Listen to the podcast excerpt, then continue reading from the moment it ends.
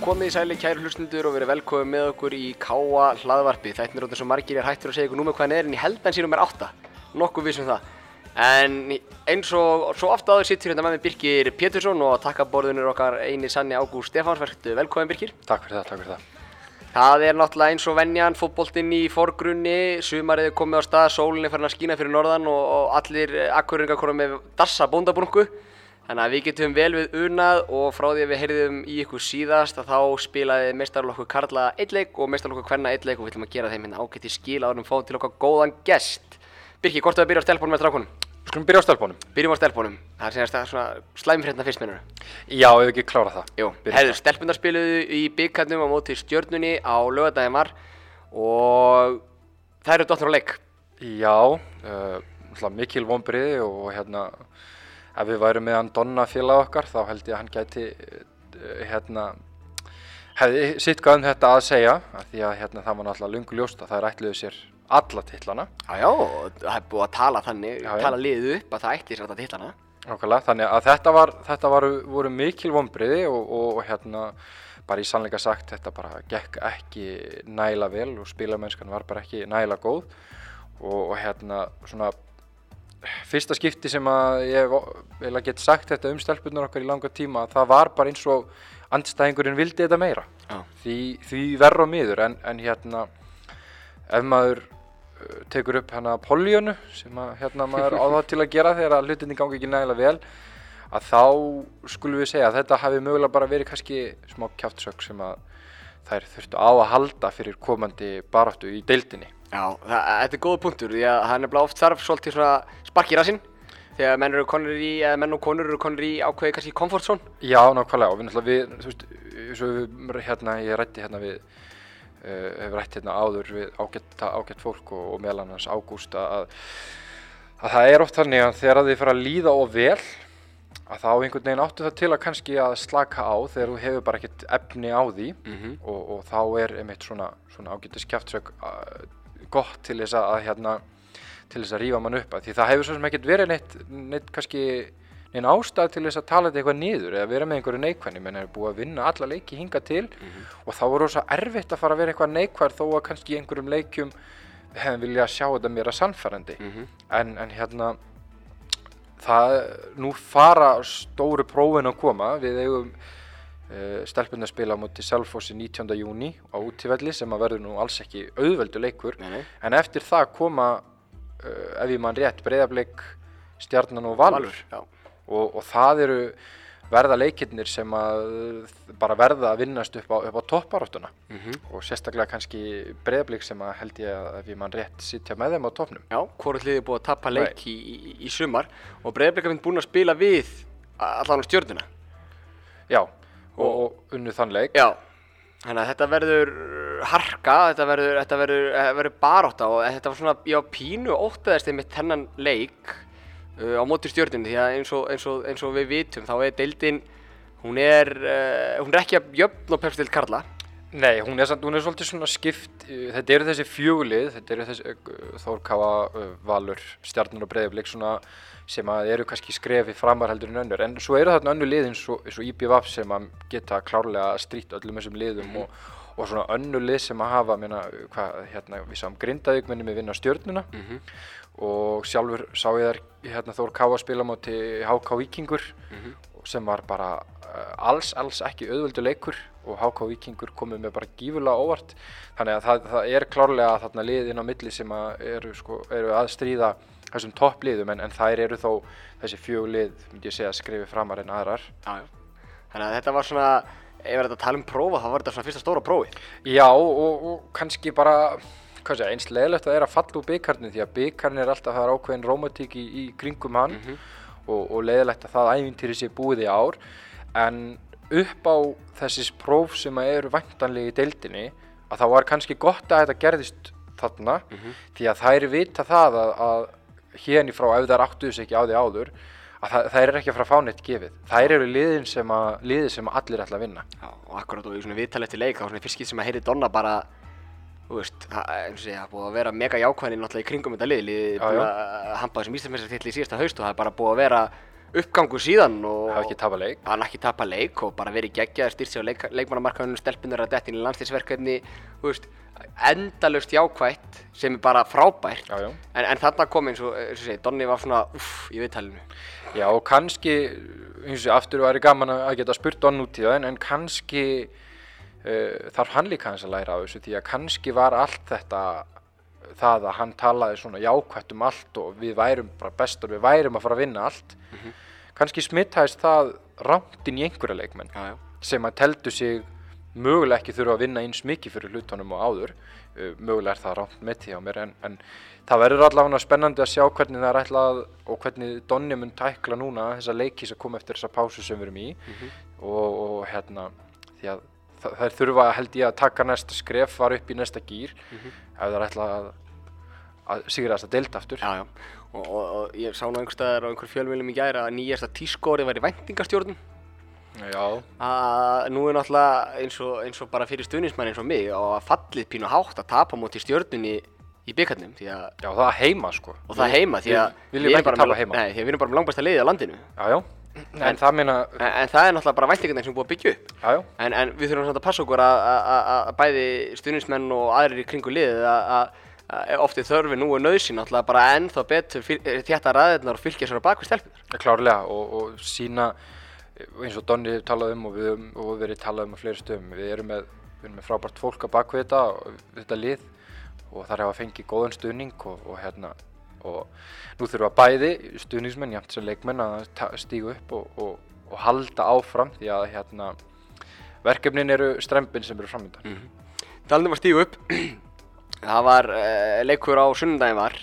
í einhverju mestu bongo blíðu eða svo ég vitni í Gunnar vinn minn á völlum. Já, tröllpussu blíða var fyrir norðan. Og við unnum viking bara fjögur eitt. Það var gott að fá sannfærandi sigur eftir, eftir síðustu leiki. Á nákvæmlega. Var, manni, manni leiði mjög vel eftir að hafa labbað heim af Akureyravelli eftir að bakast vel í sólinni og sjá fjögur mörg og þrjúaðum úr föstu leikatriðum. Og, og ég raun og veru bara einhvern veginn ég held ég hef mér þess að sagt að við þig eftir að löpuðum niðrettir á, eftir góðan káadag upp í káaheimilinu það er einhvern veginn ára, mér fannst við aldrei vera að fara að tapa þessum leik. Nei, það, það, ég tek undir þetta með það var náttúrulega það var einhvern veginn allt með okkur en dag það var káadagur hérna í káam sem tókst frábælega til fullt af fólki sem kom, fekk sér grillaði pilsu hlustað á hluta hamraband sem spila káalæði hérna var leikur út á velli fjórða kvenna sem vannst og, og, og allstaða fólk og, og geggja veður það var allir með sólavörnir á lofti og svo var labbanir á völl og þar tók nú ekkert minni gleði við og þúsund manns á vellinum og eiginlega það var eiginlega allt með okkur. Já, þetta var, þetta var bara einhvern veginn svona okkar dagur. Þetta var leikur sem við þurftum til að snúa þessu við. Já, uh, þetta er náttúrulega búið að vera svolítið strempið uh, en meina Deildin er bara stremmt Já, ég er að segja, hva, hjá hvað liði hefur þetta ekki verið strempið það er kannski Grindavík sem getur verið ánætt með stöðuna enda á toppnum og, og búinir að eiga, eiga alveg fína leiki og, og hérna, skora mörg á loka mínútum og allt rosa, rosa skemmtilegt en, en meina önnur lið, ég held að það eru allir sem að segja, "Ah, það, gæti nú verið örlítið betra sko. Já. og þar með tali við en, en hérna þetta var gífurlega nöðsilegu sigur til þess að halda okkur í þessum pakka til þess að, fá fjögur mörg tala nú ekki um það af því að við veistu svona aðeins hafa verið að ströggla fyrir fram að markið en, en, en loksins svona brostnuðu þær flóðgáttir. Akkurat, áður kannski fyrir maður í uppstillinguna að káa á leikinn sjálfan að, að, að þá langar maður að spyrja ef að grindaðu ykkur íslumestari er þeir Lester Íslands? ja. Nei, er það? Er þetta að segja það? Ég, ég veit það ekki, meina Grindavík stóð sér vel í fyrra Já, Grindavík stóð sér vel á undirbúinistímabilinu í ár uh, en það er þið gífurlega óvænt mm. þú, ert með, þú ert með að ranka það kannski svona sjöunda til að níunda sæti eða sjöunda til áttunda sæti í öllum spám Já, já, en það minna, þú veist Það er engin með á nálagt top fjórum Nei, sko. hvað áttu að halda þegar að það eru 19 mörg tekin úr liðinu af 27 Mm. veist, það að sjálfsögðu að sjálfsögðu horfum á það reynda má náttúrulega kannski benda það að þegar allar þessar spár voru gefnar út var Sító þegar framherji ekki komin í liðið já. og framherjarnir voru bara ekki að skila þeim skila þeim miklu Mhm. uh, þannig að hérna það átti engin mónað en það væri að mörkin væri að fara að koma þið hafa reynda dreifst ágætlega en, en samt sem áður. Ég held að ég kannski sér maður eftir ef allt fyrir að besta við þeim. Ég held þeir vinni nú aldrei deildina en Grindavík er eitthvað, það, þeir eru solid lið og, og hérna, þeir hafa sínt það þeir eru erfiðir að, að brjóta að baka eftir þannig að hérna. En eins og, eins og þú segir, sko, það, að, ef þú myndir spyrja alla þjálfarinn í dildinni hvort þið var ánægð með byrjunum tímbilina, myndir allir segja nei nema Ólaf Stefán. já, Er ekki bara eitthvað jákvæðin og eitthvað stemming með þessu grindaðkvöliði sem gæti bara fleitt enn drutu langt? Ef deildin ætlar að spila svona? alveg klárlega sko. Ég, það er eitthvað við, meina það var hérna sínt einhvern tíman innslag Þú veist, þeir eru búið með líka öll st- stóru lið, já, sko. já, ég veit það, þetta en kannski hendar það um þetta ágætlega. Mögulega minnum við um sé hvernig deildin er. Það svumlið virðast ná betri að stíga betur upp gegn stóru liðunum liðunum sem að eiga að teljast vera betri, minna við um sé fylgir taka stig á móti val á já. fylgir taka stig á móti stjörnunni, ef mann rétt á útivelli. Uh, fylgir var nokkur hann í öðru leik en þeir hafa strögglað á móti IBVF sem að eiga að vera lið sem að þeir kannski bera sig meira saman við. Þannig að hérna það verður spennandi að sjá hvernig þetta þróast en, en ég myndi allavega aldrei afskrifa Grindavík í að vera ofalega og ég held að Grindavík verður klárlega lið sem að mun vera hérna hvað segja, kannski í kringum að Europasætti langt fram eftir svo lengi sem þau náttúrulega heppin með meðsli og hana En þá kannski aðeins að, að, leiknum, uh, það eru svona pínu ringla á byrjunarliðin í Háku Guðmann er ekki í leikmannhóknum, hann var meittur, Callum kemur inn á bekki, hann var alltaf ekki með móti F, hann var meittur það líka. Uh, Hatti, hann kemur inn í beintinni byrjunarliða eftir að ekki vera með, móti F og hliðin á hann við miðverðið er alls enn Trínsits. Milan startar aftur, maður náttúrulega spilaði fyrsta leikinn á móti F í byggarnum og var bara mjög flottur og, og held uppteknum hætti núna á sunnudaginn. Hrannar hægra megin. Uh, á miðunni vorum við síðan með hérna Bjarna og, og Archie. Danna fyrir framann, Steinþór og Nei, Danni byrjaði Nei, Danni byrjaði á bekknum. Það var Steinþór, Hallgrímur og Áskip fyrir framann og Elli upp á topp sem var ekki með um þetta F-hagina veikinda. Þannig að við sjáum svona eins og róteringu á byrjunliðinu en, en þetta skilaði fjórum mörgum Já, ég var hérna ég var ánægð með að bara sjá hvernig uh, liðið var fyrir utan alltaf maður vil alltaf hafa fyrir liðan og, og hann Guðmann í liðinu en, en hérna uh, en, en ég held að það hafi alveg verið uh, tímabært að, að, gefa Danna smá, smá pásu Mhm. uh, gaman að sjá Steinþór ég hérna Steinþór gefur alveg ótrúlega mikið þó að mörkin séu ekki búin að koma að hann hann er ótrúlega klár Mhm. og, og það sést þegar hann kemur inn í þetta að hann er að opna svæði sem að, að, að hérna, við höfum kannski okkur vant aðeins að opna hérna, svona mitt, milli varnar og, og miðju hjá anstæðingnum og svo náttúrulega bara hérna gaman að sjá Archie sem að átti því mjög erfitt tímabili fyrir vegna meðsla koma og, og skora. Já, og skoraði næstu í annað. Og skoraði næstu því hann hann náttúrulega var hérna, sem að Ásker fylgdi eftir. Þannig hann, er náttúrulega, mar- hann á bara mark og assist sem varnartengilur og, og hérna þannig að ég held að þetta hafi verið hvað kannski fyrsta skipti sem að við höfum verið með hópinn nánast eins stóran og eins og, já, með alla heila alltaf fyrir utan Guðmann. Og, og mér fannst það svolítið við, maður, það síndi sig í leiknum líka. Hallgrímur maður með tvær stóðsendingar og eitt mark menn hann svolítið kallaði eftir í að hann stíði upp og hann gerði það heldur betur og enda að vera valin maður umferðar í Pepsi-mörkunum. Já, bara mjög jákvætt því að það þarf ekkert að hann viti það sjálfur og við erum ekkert að fara í fjölu með það að, að, að, að okkur hefur vantað meira frá Hallgrími. Grímsa og hérna og hann sagði það bara sjálfur eftir leika hann hefur verið ónað með hvernig hann hefur byrjað en meina, hérna, ef að hann getur haldið áfram að spila svona þá vitum við alveg hvað hvað býr í húnum og, og vænti þess að hann nái þá að tengja meira við menni svo Elvar og Ásker og, og vonandi Steinþór haldist líka bara heill. Nákvæmlega og ég hef trönd að trúa ef núna Grímsins er komin í gang og það verði lítið mál fyrir hann að- halda upptökum hætti. Og, og, og svo fær hann Geira og Steinþór með sér til að koma mörkunum og ella þetta verður, eins og segi, ég hef vona að þetta hafi verið leikur sem snúið sér við og svo förum við hörku leik á laugardaginn á móti val og útífelli, ríkjandi íllmesturinn sem hafa reynda verið að ströggla og, og eins og í fyrra við spilum við á tvo leiki á Ótafánvellinum töpu við uh, að mínum að þetta er ekki sangjart jafntefli hefur mjög sangjart á þeim leik og heimavelli. Meiri sáttu við bara að klára þá en, en gerum bara einstaklingsmistök sem að verða til þess að, að við vinnum ekki þann leik. Þannig að valsliði geti alveg bara hendað okkur og nú er Birki Márfann í landsverkefni og Haukupallir í banni og, og svona það eru tækifæri hana Ég klárlega og, og, hérna ég held að ég held að þetta sé tímapunktur til þess að spila móti val þrátt verið þessi búin að vinna sístu tvo leikina að þá held ég að, hérna, að þetta sé bara þetta sé góðu tími til þess að mæta þeim. Þessi ekki með Birkimá og engin Haukupál, það munar um minna þar. Uh, við þurfum klálega að ná okkar fram okkar besta leik og, og ég, ég trú ekki öðru en að, að leikmenn haldi áfram þeim uppteknum hætti því að hérna það er, sé, það er stutt á milli. Ef við vinnum þann leik eða tökum stig saman hvernig það er þá, þá höldum við áfram kannski þessu litla skriðu upp töfluna. En, en, en eins og ég segi ef, ef úrslit eru óhagstað þá getum við verið komin leiðilega niðarlega skulum við orða þannig að mm -hmm. það, það þarf að gefa allt í þetta. Ah,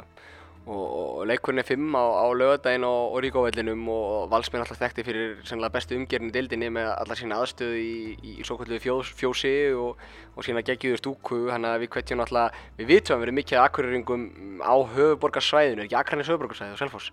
Jú, segjum það ekki. Það ekki, er þetta ekki allt? Það er ekki innan radíusins. Nákvæmlega, þetta er bara sem fyrir okkur að fara til Dalvík. Nákvæmlega. Uh, þannig að við hvetjum sjálfsögur alla til að, að koma á völlin og, og styðja við liðið og, og það er mikilvægt og, og hérna,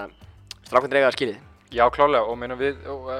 eiga það skilið og þú veist, við líka náttúrulega bara verðum að áttu okkur á því og mér fannst það kannski má hérna rósa káamönnum fyrir það að, að þú veist, þetta er náttúrulega ekki búið að ganga nægilega vel og svo kemur þessu vikingsleikur og það voru allir sammála um það að þrátt fyrir að hlutinu voru búin að ganga illa þá ætluðum við bara að taka næsta skrefu mm -hmm. og mhm. mér hefur ekki fundist verið jafn góð stemming á heimaleik í, í, í langan tíma þannig að, að, að hérna, áhörundur og stunismenn sem mættu á vikingsleikin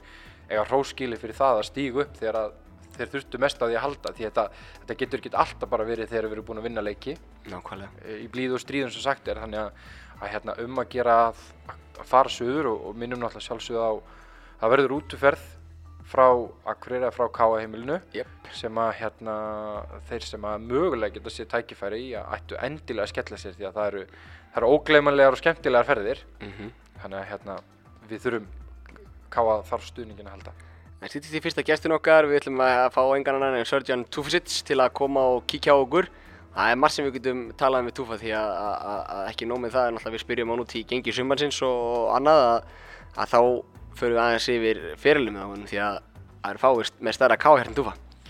Bara, það er búið að ég kannast ekki við káa að þess að hafa túfa í káa. Þannig að hérna, að, en kannski ekki allir sem að átta sig á því, sérstaklega núna þegar aðteglin er meiri á félagið eftir að fórum í Pepsi og hann alltaf aðþjálfari,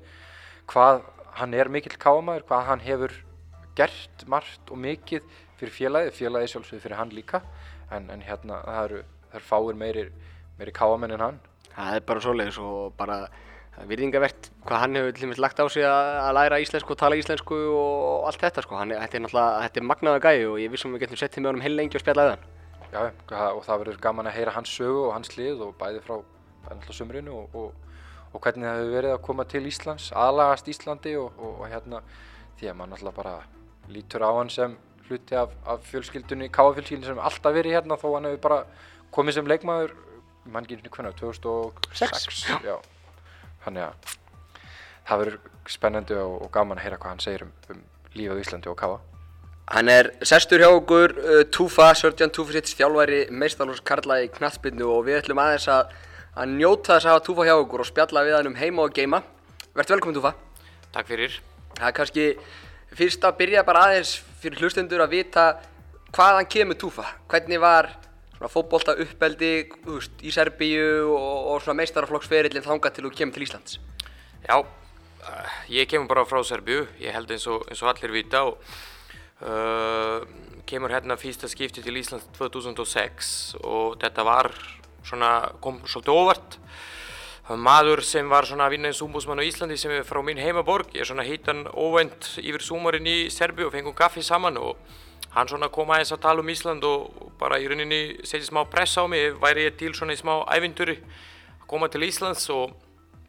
jújú, jú, hann var ekki fyrsti eða síðasti sem ég var að tala um eitthvað erlenda tjóða að fara frá Serbíu en ég sæði jújú, jú, við getum alveg skoðað það sko. Og svo bara, ég held að það verður ekkert úr því sko. Svo hann ringdi mér svona fyrir áramót 2016 og, og sæði bara þetta er allt klára, þetta er serbneski tjálfari sem tekur við líði í Íslandi í fyrsta delt og ég á að koma svona í janúar í, í smá svona træjal í tvær víkur til að já, til að, til að þetta, til að menn sjá hvernig hvað ég getur og, og allt þetta saman. Og hann var svona hrættur að ég ætlar að gefast upp núna á endunum og, og koma ekki en ég svona hugsaði þetta vel og, og ákvað bara að gíla á það og, og taka bara chance og, og koma hingað. Og ég kom þá bara í janúar, ég hverja tvær vikur, spili leiki, ég bara man ekki að múti kvalit spili fyrst, þess að spili múti Tór líka og þetta bara gekk vel og samdi svona bara út tímabil 2016 og, og þannig byrja svona fútboltaferil hérna á Íslandi. En, en áðan ég kom hérna, ég spili svona bara yfirleitt í fyrstu úrvarsleiti í Serbíu uh, í svona 5-6 líðum sem, sem ég skipti síðan ég byrjaði að spila með mestrarflokk og í rauninni svona fútboltaferilin, sérstaklega yngri flokka í Serbíu var svona bara eins og hvít og svart að bera kannski með hvernig eru að krakkar halnir upp hérna sko og í rauninni hjá okkur þetta var þannig að þegar þú byrjar svona, með minni mér svona 7-8 ára þá var í rauninni þetta samt svona strax samkipni fyrir svona sína plás í líðinu og eins og ég man rétt þá þegar ég byrja sko, þá voru svona eitthvað 150-160 krakkar að mæta á fyrsta æfingu og eins og við kallum þetta svona selection eða svona uh, menn svona velja og milli sko, þá svona voru valdir eitthvað 40 minni mér sko Hvað gerir þá hinnir? hinn er bara fara heim og leika sér í gardinum sko. þetta var bara þannig og, og jú, það bara vissulega voru svona nokkrir svona líka minni klúbar ég er að tala svona minn klúbur svona í, í Serbju, í minn heimaborg sem heitur Kruševac, klúbur heitur Napred þetta er svona úrvarsleita klúbur og, og þetta var bara í þessi tímapunkti þannig bara að, að það er mikið sakið og svo er líka af þessi 40 kannski til ræfa í mánuð og svo eftir það er bara tuttugu í hverja árgangi sem halda áfram sko. Uh, munurinn líka er að til dæmis þegar ég var yngri flokka þá fóreldrar mín eitthvað ekki krónu í fútbolta fyrir mig sko. Þá fengum við bara svona allt frá félaginu sko. Þessi tuttugu sem, sem voru valdir sko þá hvorki þetta ferðir, keppnisferðir eða búningar eða skó eða allt þá fengum við svona allt frá og það var engin æfingagjald að en eitt sko en þetta var samt erfitt og í þessi tímapunkti sem við vitum sko það voru engin símar að 12 úr eitt en eitt og fóreldrar okkar koma ekki nálegt í, í svona fútboltunum, bæði svona,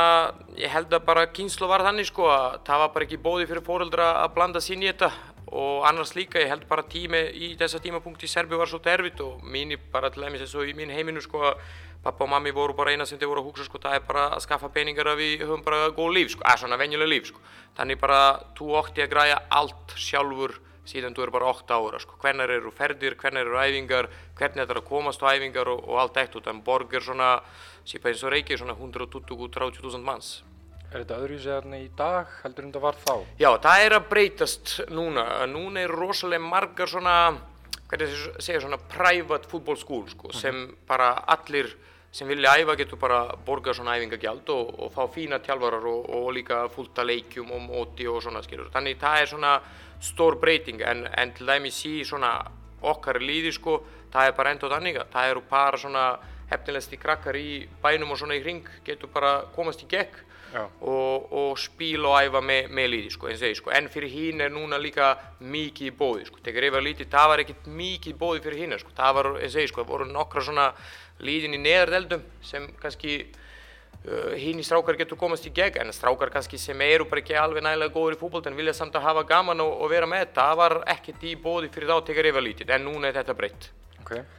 Þú sagðir að það væri serbísku þjálfari sem hefur verið að taka við liði fyrst til á Íslandi, það var Mi- Milo Já. og hjálpaði það mikið að, til að koma til Íslands. Jú, jú, klárlega sko, uh, í rauninni ég samt ákvað að stokka í þetta og bara taka eitt ár, það var svona bara þannig plan sko og fyrst ár þegar ég kom, þá ég kom bara eitt og uh, Írena sem er kona mín í dag sko, hún kom ekki og við ákom bara, ég bara fer sjálfur í gegn það, hjálpaði líka sko að með Míl og doktor var líka á staðnum hérna og, og svo bara Alexander Lind, var í þessa tímapunkti komið líka til Káfa sem var svona líka frá Serbíu, þannig það er svona eins og segi sko, lífin hérna bara allt er rosalega mikið munur frá þetta sem ég er búinn að vera vanur í Serbíu sko, hvorki þetta er venjulega líf eða svona samskipti á milli fólki eða samskipti í fútboltunum og allt það. Og það hjálpa rosalega mikið að vera með, með, með fólkinu sem er búinn að vera á Íslandi lengi. Og þeir voru að hjálpa mér svolítið mikið sko að koma sæðins inn í þetta. Var ekki svolítið mikið menningar munur að koma til Íslands og, og, og kannski ekki bara menningar munur, líka bara á landfræðarlega séð og að vera í, í þessum kulda, vera í, í uh, bara viðfarslega og annað. Þetta hefur verið svolítið sjokk, er það ekki? Jú, ég, ég sammála því, sko, það er svona, var rosalega mikið munur, eins og ég, sko, það er bara svona einhvern veginn svona, allt þetta var svona, allt öðruvísi hérna í Serbíu, hérna var svona einhvern veginn allt rólegt, uh, bara öðruvísi, hjá okkur er lífið svona miklu hraðari, miklu meira aksjón í öllum sem aður eru að gera og, svo er líka bara í fútboltunum, í rauninni þegar ég spila í fyrsta úrvalsdeildinni, fútbolti var, þetta var bara atvinnumennska, það var ekkert í bóði að þú getur vinna eitthvað með hann eða jafnvel að fara í skólan og, og hérna var þetta allt öðruvísi og það voru bara strákar sem mætu hérna á æfingu eftir að vinna til 5 og mæta klukkan 6 á æfingum, fyrir mig það, það var bara smá sjokk sko en þeir voru ekkert að gefa neitt eftir og, og þetta var bara svona gaman að koma aðeins inn í þetta. Og eins og ég sko, samskipti við fólki svona, var svona allt öðruvísi en, heima hjá mér sko. Svo eftir fyrsta sumarið við endum í, í sjötta sæti þetta tíðanbíl og, og, og uh, var þið strax bóðið nýrsamlingur? Uh, jú, það var bara þannig sko og en setni ár voru svona mikið vonbriði. Þá í rauninni eins og maður taldi að við ætlum að taka svona næsta skref fyrst og fremst eins og líði. Mm -hmm. Mér fannst við vorum bara með, með flott lít á sko. Uh, þá var bara þessi sumar vonbriði og það var bara einhvern veginn svona allt erfið. Bæði svona mér persónulega og svona með líði við vorum í ströggli og ég held bara vorum hefni á endanum að deildin var alveg fjálgast að við fallum ekki úr fyrsta deildinni og þá kom svona í rauninni bara vendi púktur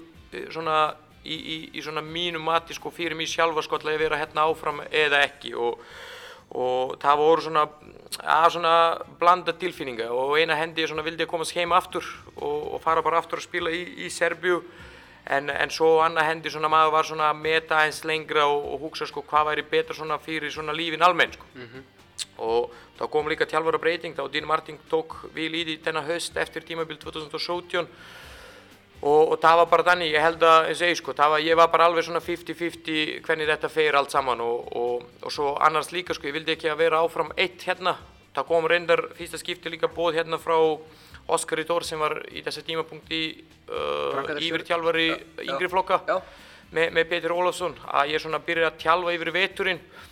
og jújú, jú, það var líka spennandi utan ég er svona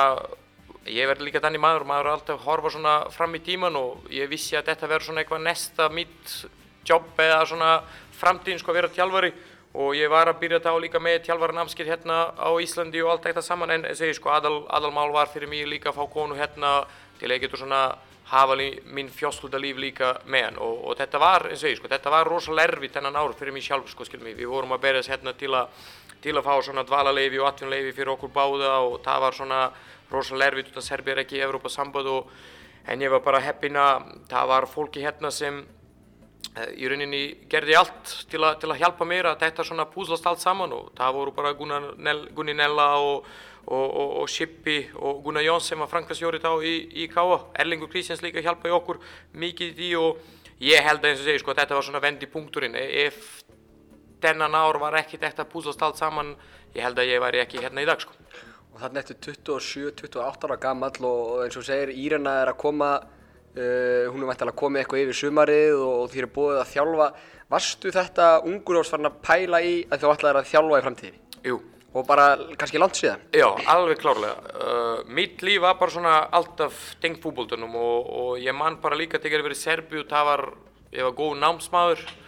og það var margt í, í bóði til að vera heima svona að halda áfram í, í háskólanum og svona og var mikið pressa frá fólkurum að gera það.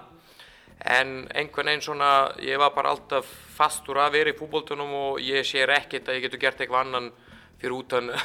fyrir utan bara fútbóltavelli skilur. Og, og ég sko ég var alltaf tannig, ég var alltaf svona að hugsa eins fram í tíman hvað væri möguleiki og hvað væri best fyrir mig sjálfa og mína fjóskildu líka setna og ég horfið strax á það að, að það verður svona nesta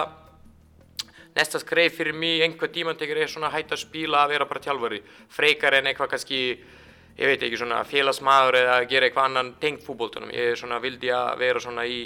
í leiknum sjálfum sko. og þarna eins og segju byrjar að þjálfa yngri flokka.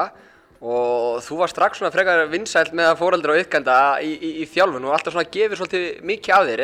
Var þetta svona meðvitað alltaf að, að, að, að þú veist hvernig þjálfar ætlar að verða?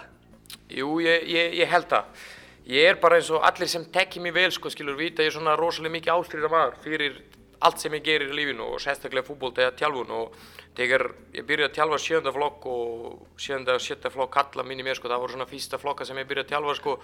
Þá einhvern veginn svona ég vildi bara sína þessu jafnvel eins og ég er að tjálfa mestarflokk og, og þá er fólki bara fljóta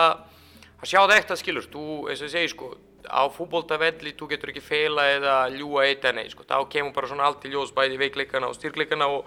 og einhvern veginn svona það byrjir bara rosalega vel sko. ég gaf mikið af mér sko og, og krakkanir tóku vel á móti og þetta var svona kannski örlíti örðurvísi en krakkanir eru svona vanir í ég kom kannski með eitthvað minn aðeins húmor inn í þetta en aftur á móti líka svona Jújú, jú, kannski mikið æfingum og, og svona meira, miklu meira aga en, en kannski þeir voru vanir inn en einhvern veginn svona það var bara alltaf smetla saman og ég man bara, ég tjálfi líka með hann stelpur í fymta flokk, í sjötta flokk, uh, strákar í fjórða, ég held að það var bara ekkert flokk sem ég er ekki búinn að tjálfa. Og bara gekk rosalega vel sko, ég sjálfur var bara mjög ánöður með, með allt þetta saman sko. Og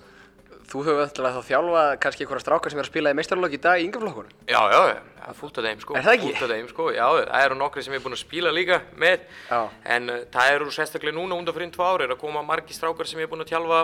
í, í yngri flokka, var með þeim í eigum í sjálfmótinu og svona eins og núna þessi árangur 98, 99, Já. 00, þannig það er bara, það er mjög gaman, það er eins og segir sko að þú sér núna, það er að koma strákar sem, sem þú búinn að tjálfa áður og á sama skapi eins og stelpur, marga stelpur sem núna ganga rosalega vel hjá þeim sko, það var bara, ég var með þeim í fymta og fjóra flokk og við vorum líka að fara alla leið og, og spila úrstættaleiki Ísland, Ísland, fyrir Íslandmestara titlar og, og vinna marga mótum og svona. En ég segi sko, samt uh, þetta er bara eins og getur svart að tjálfa yngri flokka og, og tjálfa mestrarflokk og, og er sum fólki sem kannski fattar þetta ekki sko, skilu, þeir enda að halda fyrir sko að þetta er bara svona svipa eins og þetta var yngri flokka sem, sem er ekki. En, en svona heilt yfir er bara búin að vera mjög ánur með þessi hvað svona 11-12 ár síðan ég kom til Íslands og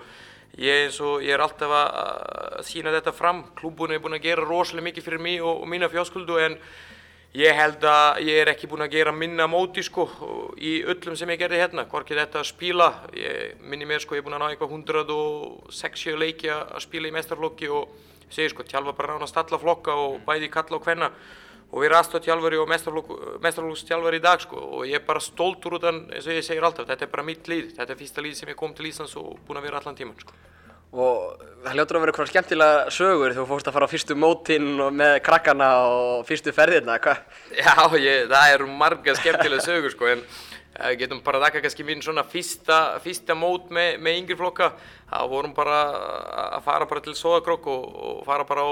á krokksmót. Ég er svona í þessa tímapunkti tjálfa ég bara, uh, tala íslensku mjög lítið og skildi ekki mikið en samt svona reyndi að að vera svona partur af því og og þetta var mót sem ég óttum að gista og ég bara mætti eins og við ætlum að gista í hótelinu og, og ekkert með dínu eða sangi eða kodda eða eitt eða neitt og það klára svona fyrst í dagur á fóstuði, alla leiki búnar og við fórum svona tjálfarar í mat og, og í sund störtu.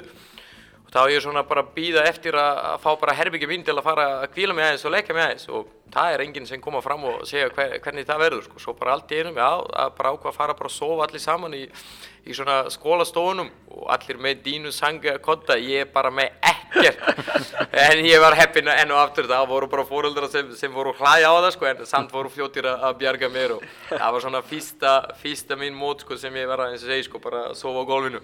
með, með krakkanum sko, svo voru bara líka marga hína sögur sko, ég man líka einu sínum sko vorum að í, í sjálfmótinu Vesminu og, og svona bara mikið álag og tjálfara þar, allir tjálfara sem voru að fara til Vesminu tekkir þetta vel en, en aftur á móti var svona leikur í Ólasvík með, með mestralokki sem ég átti að koma og taka dagt í á, á Sunnudeg sko. og múin að tjálfa svona alveg frá miðvíkuði fram á Sunnudeg bara á fullum í, á rigning og svona og maður var svona bara alveg búinn á því sko. svo fer ég bara með, með, með flugdæn á síðasta degi sko, til Ólasvík til til að keppa með mestralokki og ég held bara í uppbytum ég er svona ég var bara að deyja sjálfur sko, ég vildi bara gefast upp og segja Dino að ég er ekki klár í leikina og þá svona kemur eitthvað smá, já já, ég verður bara að peppa mig áfram og áfram, áfram, áfram og svo bara klára maður 90 minnur leik eins og svo ekki gerst, en þetta var svona nýtt fyrir mig að að ég rauninni bara að vinna meðan ég er að spila fútbolta ok, þetta var kannski ekki erfitt vinna ég bara var að gera eitthvað sem ég elska en samt að tjálfa trár, fjóra flokka uh, yfir daginn og ég man bara þennan fyrsta súmar minn þegar ég var að tjálfa mest. Ég held að það var bara eitt helgi yfir súmarinn sem ég var bara svona laus eða bara frí og spila með. Og en eins og segi, sko, þetta var bara samt svona gaman og eitthvað sem maður svona tók bara fagnaði með, sko. Uh, síðan, svona við hlaupum aðeins, aðeins áfram, 2010, þá eignast þú fyrsta barnið þitt. Og á Íslandi það ekki. Já. Og var það ekki svona pínu tímapunktu líka, þú ert svona, þú, þú meiðist, ert svona farin að uh, glímaðu svolítið meðsli, uh, Írina er ólétt, var, erfið ákvörun, þú veist, var þetta komið tíapunktur sem hugsaði, neða, nú förum við heim, eignum spanni í Serbíu, okkar heimalandi eða verðum á Íslandi? Já, ég, uh, vístu hvað, ég er bara verið að segja eins og ég er, við erum enda í dag svona að hafa þessa umræðu heima, sko, hvað ætlum að gera, hvað verður eftir ár, hvað verður eftir fimm ár og, Já, já. og, og það er búin að vera bara allan tíman síðan við erum komni hérna og, og það verður líklega áfram, sko, og í þessi tímapunkti, þess að þú segir, sko, það var bara, jú, jú, við vildum bara þetta fyrr, kannski, ég og Írina vorum búin að vera lengi saman líka í Serbíu, en, að segir, sko, fútboltal yfir þannig að það er svona mikið fornivísi og líka þegar ég var að spila í Serbíu, ég var svona alltaf að spila eitthvað annað stað. Og við vorum í rauninni alltaf svona á svona kærasta par bara á símanum og þetta var erfitt fyrir hana sérstaklega að fylgja með í því og, og þegar vorum bara hérna þá vorum nána svona loksins að ná eitthvað rók hérna á Íslandi og hún kom bara með vinnu og ég segi sko ég var bara að tjálfa fullum og, og spila með henn og það var bara komið tímapunkt að við hugsaum um svona okkur sjálfa líka. Og, og kom bara fyrsta batt 2010 fæðist hérna en, en okkar mat var að, að svona sérstaklega svona í ljósi þessa að hvernig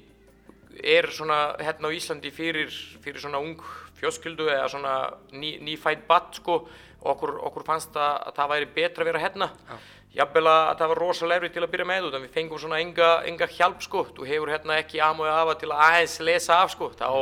sérstaklega fyrir okkur þetta var svona eitthvað allt nýtt og, og mikið að gera en, en við vorum svona alltaf einhvern veginn sterkir að halda sér saman og, og þetta bara gekk vel en þá ég svona byrja hægt og róla að stragla með, með meisli sko og, og þetta var svona að byrja mér svolítið mikið sko þannig maður svona vildi að sína samt enda meira sko Já. á fútboltavellinum, sérstaklega ég sko ástríða var, var mikið fyrir að spila áfram þá líka sko Já. Svo á, árið 2011 að þá tekur svona fyrstu samkvæmt KSI.is allavega þá ertu fjóra leiki í liðstjórn með Gulla Jóns, þá er Yngvar og Gulli að þjálfa liði og svo 2012 þá ertu bara orðin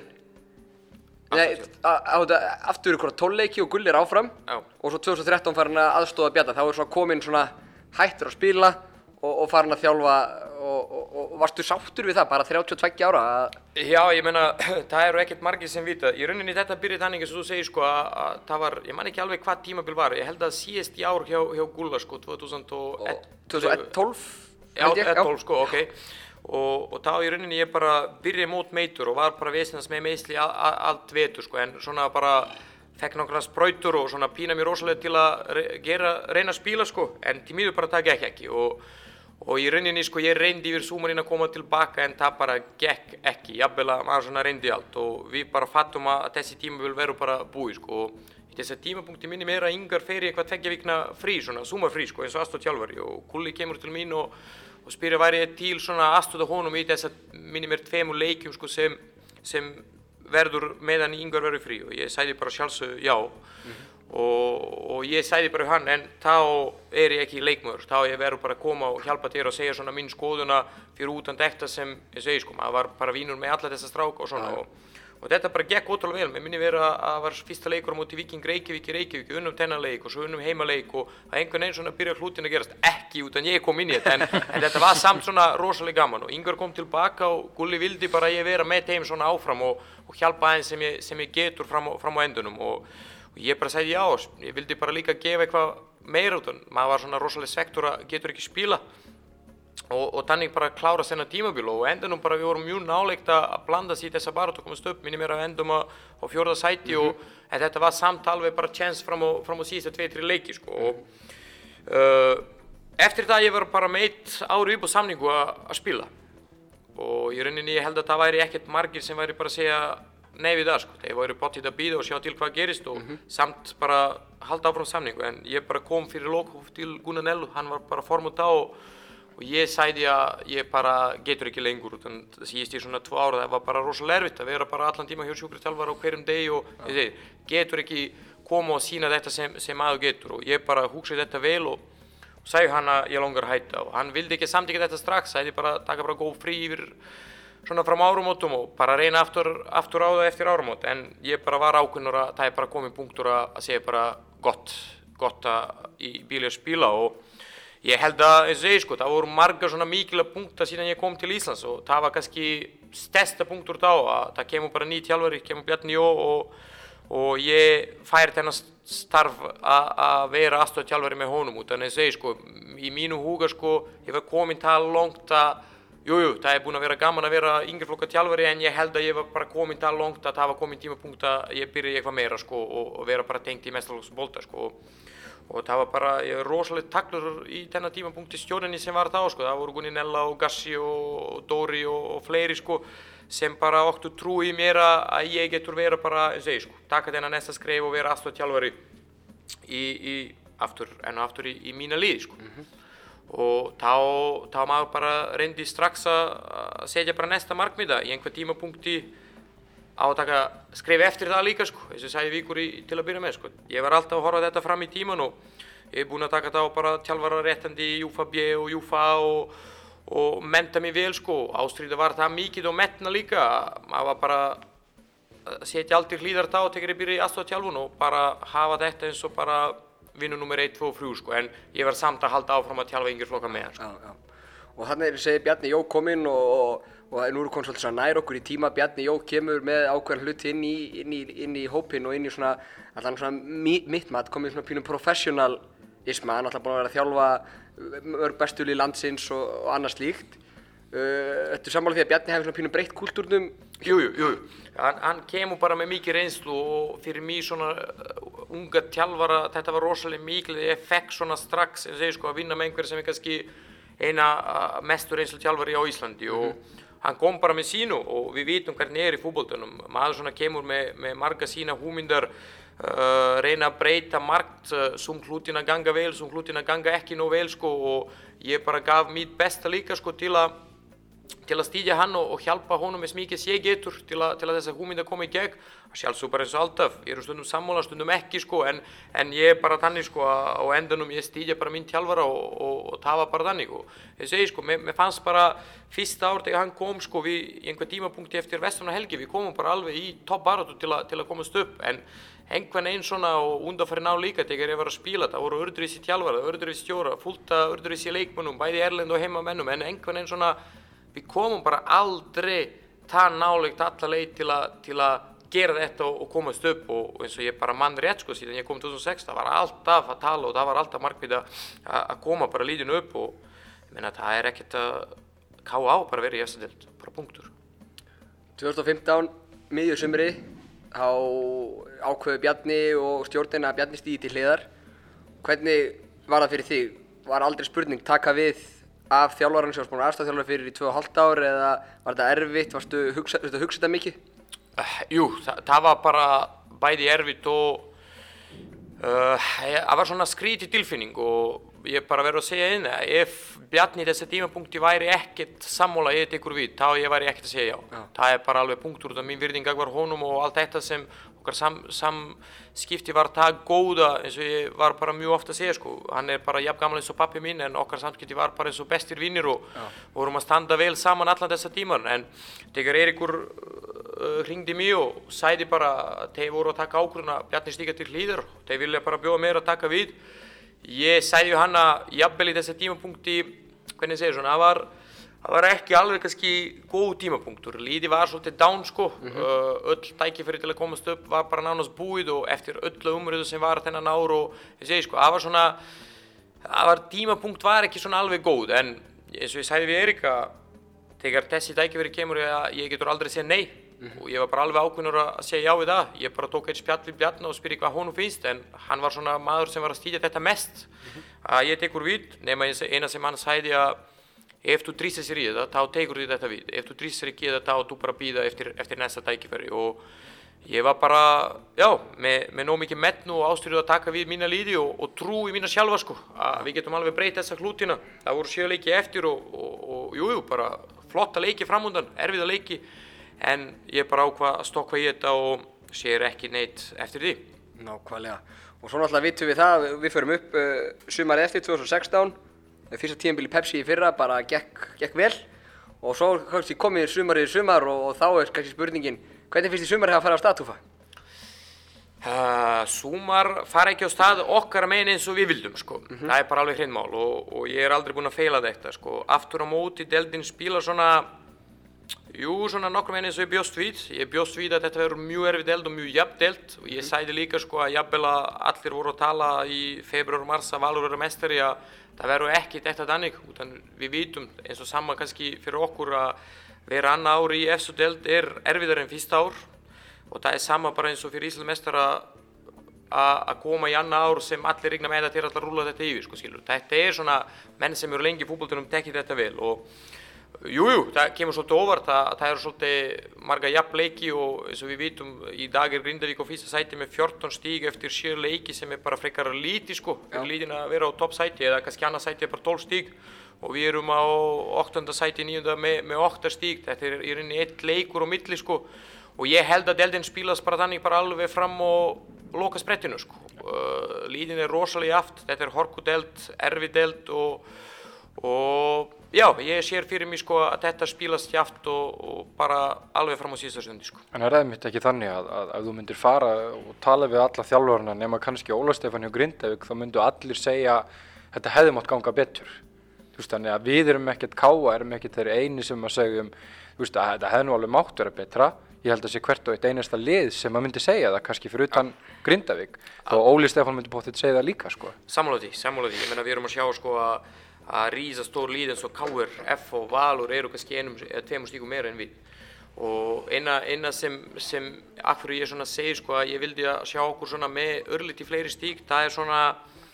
veturinn sem var á bakvið okkur. Uh, með fannst við svona komnið rosalega longt og miklu svona lengra en undanfari ná sko fútbóltalega sér eða taktíslega sér svona í þessa hluti sem, sem ég var að vinna. Stemning líðin og líðsheldin var svona aldrei betri en núna í ár og ég er svona samt held einhvern veginn svona að ég segi sko að við getum koma svona enn ofar tídeldina. En aftur á móti eins og, já ég veit ekki hvað hva fólki vít um það sko, við svona erum líka svona að byrja mót með svona ákveðin svona vandamáli eða vesin sko, uh, við erum að byrja með fyrirlita okkar í banni, við erum að byrja með vinstri bakur sem er bara illa meitur. Uh, uh, nei hann Hallgrímur og, og Hallgrímur Jónasson og Hallgrímur Már byrja mót meitir og, og ég er inn í æfa nánast tíu daga ekkert fyrir mót. Þannig svona fyrir líðin eins og okkar þetta voru svona mikið högg að fara svona í byrju mót ekki með svona fullt manna líð með, með menni í, í, í toppstandi í fyrsta leikina sem við vitum sko. Fyrsta leiki í mótjunu er í rauninni svona stemningsleiki, mikið baróta, vellir ekki klárir og, og, og svo erum líka að mæta líðin eins og kannski við vorum í fyrra sko, fylgir sem koma með mikið stemningin í þetta eftir að rúla yfir fyrsta deldin og svona. En það er bara ekkert að kvarta eða sjá neitt eftir og bakið, það er bara tími sem er framöndan er og við erum bara með góð sígur og bakið frá síðasta helgi sem ég vona við ætlum að taka með okkur í, í næstum leikjum. Og eins og segi sko, fútbólti er þannig að þú hefur ekki mikið tíman að svekja sig eða sjá mikið eftir, hvorkið þetta bara jákvæða neikvæð og þetta sem telur þetta sem er fyrir framann okkur. Og ég tel að við höfum enda inni og, og getum spila enn betur og ég held að bara þetta kemur. Annars líka eins og við vitum allir sko við erum bara að byrja heimaleiki hérna með á velli sem er bara langt frá því að vera bara góður til að spila. Við höfum ekki völlur til að æfa einu sínum. Þannig svona það er svona allt eftir saman sapnast og hefur svona smá áhrif á okkur. En við erum bara mjög jákvæðir og, og ég segi sko stemning er rosalega góð í líðinu og við höfum bara fyrir fram á okkur bara góða tíma sko. Næsti leikur á, á laugadærum út í val, Hva, hvað þurfum við að gera til að vinna val á þeirra heimaðli? Við verðum bara að ná topp leik, strákarnir verður að hafa bara topp leik hver og eitt og, og svona bara spíla þetta eins og lít og fara yfir, yfir svona taktislega hluti sem við erum að leggja fyrir hver leik. Og þá er ég rosalega bjart sín og ég segir alltaf þannig og ég er þannig maður að við erum í fútbóltunum fyrir svona leiki. Ef engur ekki tíl eða stressur að spila mútið vald þá er bara frekar betra að vera heima og leysa kannski morgublad og mæta ekki leikina sko. Svo ertu uh, hérna tölfræðin búin að segja okkur, þú sem þjálfar búin að nota flesta nýliðana í deildinni. Káa er það lið sem er búin að spila hvað flestum mönnum sem það ekki spila í persideildin áður. Er, uh, við, við vitum þessi fylgjast með liðinu að eitthvað er svona tilkom út af meðslum eins og saði Guðmann í banni, Kallum meittist, Hatti búin að vera meittur og, og Mílan náttúrulega meittur líka. Uh, en er þetta líka svona pínu, við erum að koma ungu strákonum, við erum að búa til leikmenti framtíðar? Já, alveg klárlega. Ég meina, ég sæti þetta bara á, á fundinu svona fyrir móta á kynningakvöldinu og reyndar það eru ekkert margir sem, sem bara trúa í þetta en við eins og klúbur erum komnir á það stað að, og við vitum hvernig ég er búin að vera undan fyrir nára. Það voru bara mjög fáur eða trýr, fjóri stráka alnir upp í káa sem við vorum að spila pepsilega leiki undan fyrir 10-15 ár sem er bara mjög, mjög lítið. Mjög Og, og við eins og klúbur erum komnir út af stað að að ef við gerum það ekki og búum til ekki leikmenn þá þessi okkar uh, hvað, æfuntur í Pepsi-deldinni verður ekki leng, langt. Og við bara stjórnin og, og, og við tjálfara bara fórum yfir það eftir síðasta tímabil og klárlega þetta var bara markmið hjá okkur að hægt og rólega koma þessar strákar inn í þetta. Og með minni að voru sex að spila sitt fyrsta leik núna í, í Pepsi-deldinni og eitthvað 12 eða 13 í fyrra sem voru að spila sína fyrsta leik í Pepsi-deldinni en við vitum hvernig er sko, umræðið er þannig að, fólki sérstaklega fyrir sunnan horfa okkur í gegn. Hallgrímur Jónasson, uh, Gudmann Tórisson og svona og Steintor Freyr, menn sem hafa mikið reynslega svona stóra nafn og þeir horfa bara þetta þannig. En við vitum líka sko meðan ef við beirum okkar liðin frá í fyrra og í dag sko við vorum að missa marga uppla leikmenn og, og svona við vorum að, vorum að taka á þann spjalla eins og, og nefna Grindavík, Óla Stefán og hann er svona ágætisvinur mín og ef ég svona longar einhvernum gengur vel í deldinni það er Grindavík og ég er bara mjög honur að þeir eru líka á það. Stað og það við svona erum svona einhvern veginn svona með svipa ferli sko, bæði eins og tjálvarar og, og eins og líðin komum bara sama ár upp en munurinn er og millir Læmis K og Grindavík í dag sko að Grindavík líði sem var komin upp það var bara tvær breytingar í þessa frjú ár sko og svona smá saman til eina svona alltaf ná aðeins að bæta líðin og eina svona stóra missiri fyrir þá sko er Andri Rúnar frá fyrra. En eins og hann sæði mér fyrir mót sko tekti í rauninni leiðin sem þeir eru að, að fylgja halda þennan líði saman og bæta hann smá saman á hverjum ári. Og, og erum að sjá sko hvað skapa þetta fyrir, fyrir Grindavík sko. En aftur á móti hjá okkur við erum að missa fimm leikminn úr byrlíðinu frá fyrra. Og, og fimm leikminn sem voru svona í hlutverki 12 í lótjuna sem er svolítið mikið sko, Já. sem er svolítið mikið. Og í rauninni ákvörðum var þannig að við fengum ekki marga leikminn í staðinn. Fengum nokkra til að getum opna meira fyrir, fyrir þessa stráka. En, en á endunum eins og allir sem tekja meira það verður alltaf þannig sko að menn verður bara að sína getuna og, og vilju til að vera leikmenn í káa og það skipti engum máli hvað eru gamlir. Ef eru bara sótjón eru góðir og getur bara að spila pepsi þá spila þeir sko, ef ekki þá alveg saman að eru þeir alnir hérna upp sko. Og mér fannst að, þetta, þessa breytingar takast vel hjá okkur sko skilur og, og þessi strákar sem eru búin að fá tækifæri núna að spila sko eru að gera þetta vel. Og ég er bara búin að vera mjög ánægð hvernig þeir koma inn í þetta núna hjá okkur. Hvernig, ég ætlaði að spyrja því sko, við höfum fylgst með þeim og, og flesti kámenn séu sammála um það að vera ánæði með þeirra innkomu, bara gengi vel, en hvernig mitt hafa þeir veist, komið inn í hópina, eru þeir að, hvernig, þeir eru vantilega að leggja þessu 110% fram og gefa þessum, eins og nefnir aðan Guðmanni og Hatta ekkert eftir, Nei, nei, þeir bara koma bara mjög vel inn í þetta. Uh, uh, smá vandamál hjá okkur er sko að í rauninni þennan hópur okkar unga stráka sem í rauninni, við vorum að byrja þetta í fyrra og þeir voru eitthvað, ég mann rétt sko, það voru 8 eða 9 úr annaflokks aldrei fyrra í hópu hjá mestralokkum yfir sumari líka og við taldum þetta tímapunkt komin að koma þeim hægt og róli inn í þetta. Vandam, smá vandamál er sko að þessi strákar eru voru fyrir til dæmis 17 og 18, eru 18 og 19 í dag sko, og við erum með mjög fáa leikmenn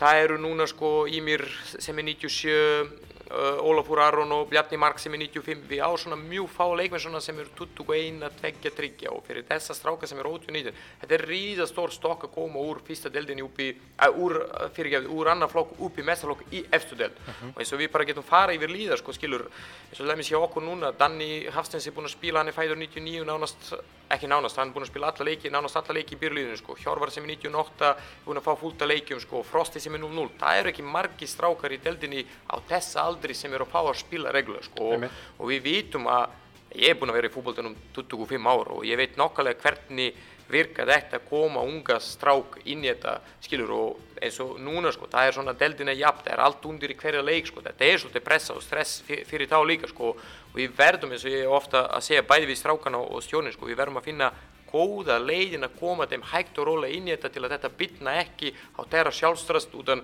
ef ungur strákur missar sjálfstrast þá er hann bara ónýttur í heilt ár skilur, þá er þetta allt öðruvísi. En mér fannst að við erum að gera þetta vel við erum að gera þetta skynsamir og, og ég bara ég sko, ég bara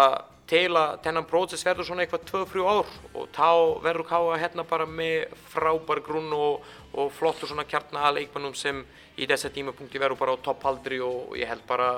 með, með, með góða getu að bera líðin í pepsi-deldina. Það er gaman að heyra mitt að þessi vera að hugsa svona til framtíðar, vera að hugsa nokkur ár fram í tíman. En þú fannst nú kannski í restina að væri gaman að fá, eins og þú er búin að vera í 12 ár á Íslandi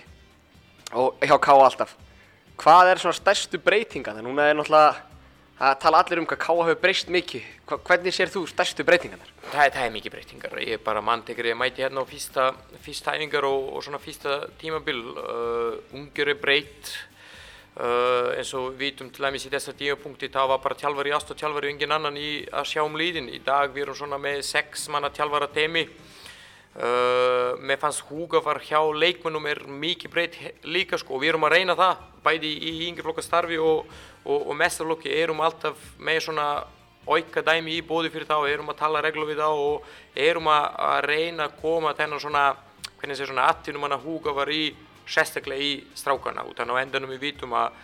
mest mikila partur á eina félagi hvorki þetta fútbólti, handbólti eitthvað er bara leikmenn. Mm það er ekki tjálfari að stjórn, það eru leikmenn og leikmenn eru endanum bera líðin og, og, gera, og, og gera þetta. Og mér fannst það er svona bara margt sem er að breytast. Klúbun hjá okkur er líka að stekka gríðilega mikið og við erum að sjá líka núna sko, núna eru að koma fleiri góðir, hvorki þetta strákar eða stelpur sem svona koma í annarflokk og mestarflokk og ég held að það líka skapa sangjöfni verður líka meiri. Og vonandi eins og segi sko að í, í næstum árum við erum að fá fleiri ef ég er að tala um strákut en ég tjálfa stráka skilur sem bara verður bara góður að spila í pepsi-deldinni aftur á móti krónur eru mikla meira líka. Mm. og þetta er eitthvað sem ég reyna svona að koma í eh, hausnum hjá strákunum að krónur eru mikla meira og við bara núna tekar erum komnir í eftirdeld og við erum samt end og sérstaklega ef við berum okkur með þessa líði sem eru að keppa í Evrópa-sæti og þessa stærsta líði sko, við erum end og langt frá þeim á öllum svíðum sko skilum við og, og tíla að við náum teim og verum bara svona segi, sko, sem er okkar eitthvað langt tíma markmið að vera bara líðið sem ætlar að keppa í, í, fyrir Evrópa sæti, þá er margt sem við törum bara að laga og breyta hjá okkur og, og menn eru bara að gefa allt í, í tí að breyta þetta sko, en þetta tekur tíman, menn, menn verður bara að fatta sko að þetta tekur tíman og jújú, jú, þú getur alveg ná eitt svona surprise tímabil skilur sem þú getur og óvart, bara eins og í fyrra, það vandi bara tvör stík hjá okkur að vera á fjórða sæti sem ég vil að gefa þess Evrópa sæti en eins og ég sko, ef við horfum eitthvað long tíma, tíma uh, hvernig káa verður og hvað þurfum að gera, það er margt sem við verðum að leggja okkur sjálfa sko, skilur eins og ég sko, hvorki þetta umgjör, hvorki þetta völlurinn, aðalvöllur, uh, æfingasvæði, leikmenni sjálfur, ég eins og tjálfari, tjálfarateimi, það er allt sem við verðum að leggja inn og, og, og bæta við tíla og endanum við verðum bara svona, já, bara keppendur um þessa bara top 6 sæti sem, og ég hefur alveg trú að við getum gert það sko. Akkurat. Ég held þú að við séum búin að fara yfir langan við og við gætum örgulega að setja og spjalla í klukkutíma í viðbót um allan daginn bara. um, já, um allan daginn bara um fótbolta og, og káa og svo framvegis. En, en við látum þetta gott heita í bíli og hvetjum alltaf alla akkurýringar sem verða í Reykjavík á lögadaginn til að koma. Ég veit að verða margir upp á Skaga og Selfossi á fótboltamótum. Að fjölmenna og sjöttarinn er alltaf að taka hópferð og þannig að það verður líf og fjöra á Ríkóvellinum á Ríkóvellinum, já. Já, vonandi, vonandi, ég, ég líka sko, ég er búin að segja þetta mjög oft fram og síðan ég tók við líði í 2015 einhvern veginn svona ég fekk líka svona mikið stöðning og, og góða mótöku frá stöðnisminnum sem ég held að hjálpa mér gríðarlega mikið en ég var bara svona ungur og reyndur tjálfari sem tegur svona við, við stór skreif og ég held bara stór jobb líka sko utan við vitum hvernig umræða það var sko. Það var bara ekkert annað stöðni nema bara að vera bara eftirdelda klúpur og ég veit líka sjálfur hvað skipta máli fyrir strákana eins og núna bara síðasta leik við erum ná, ná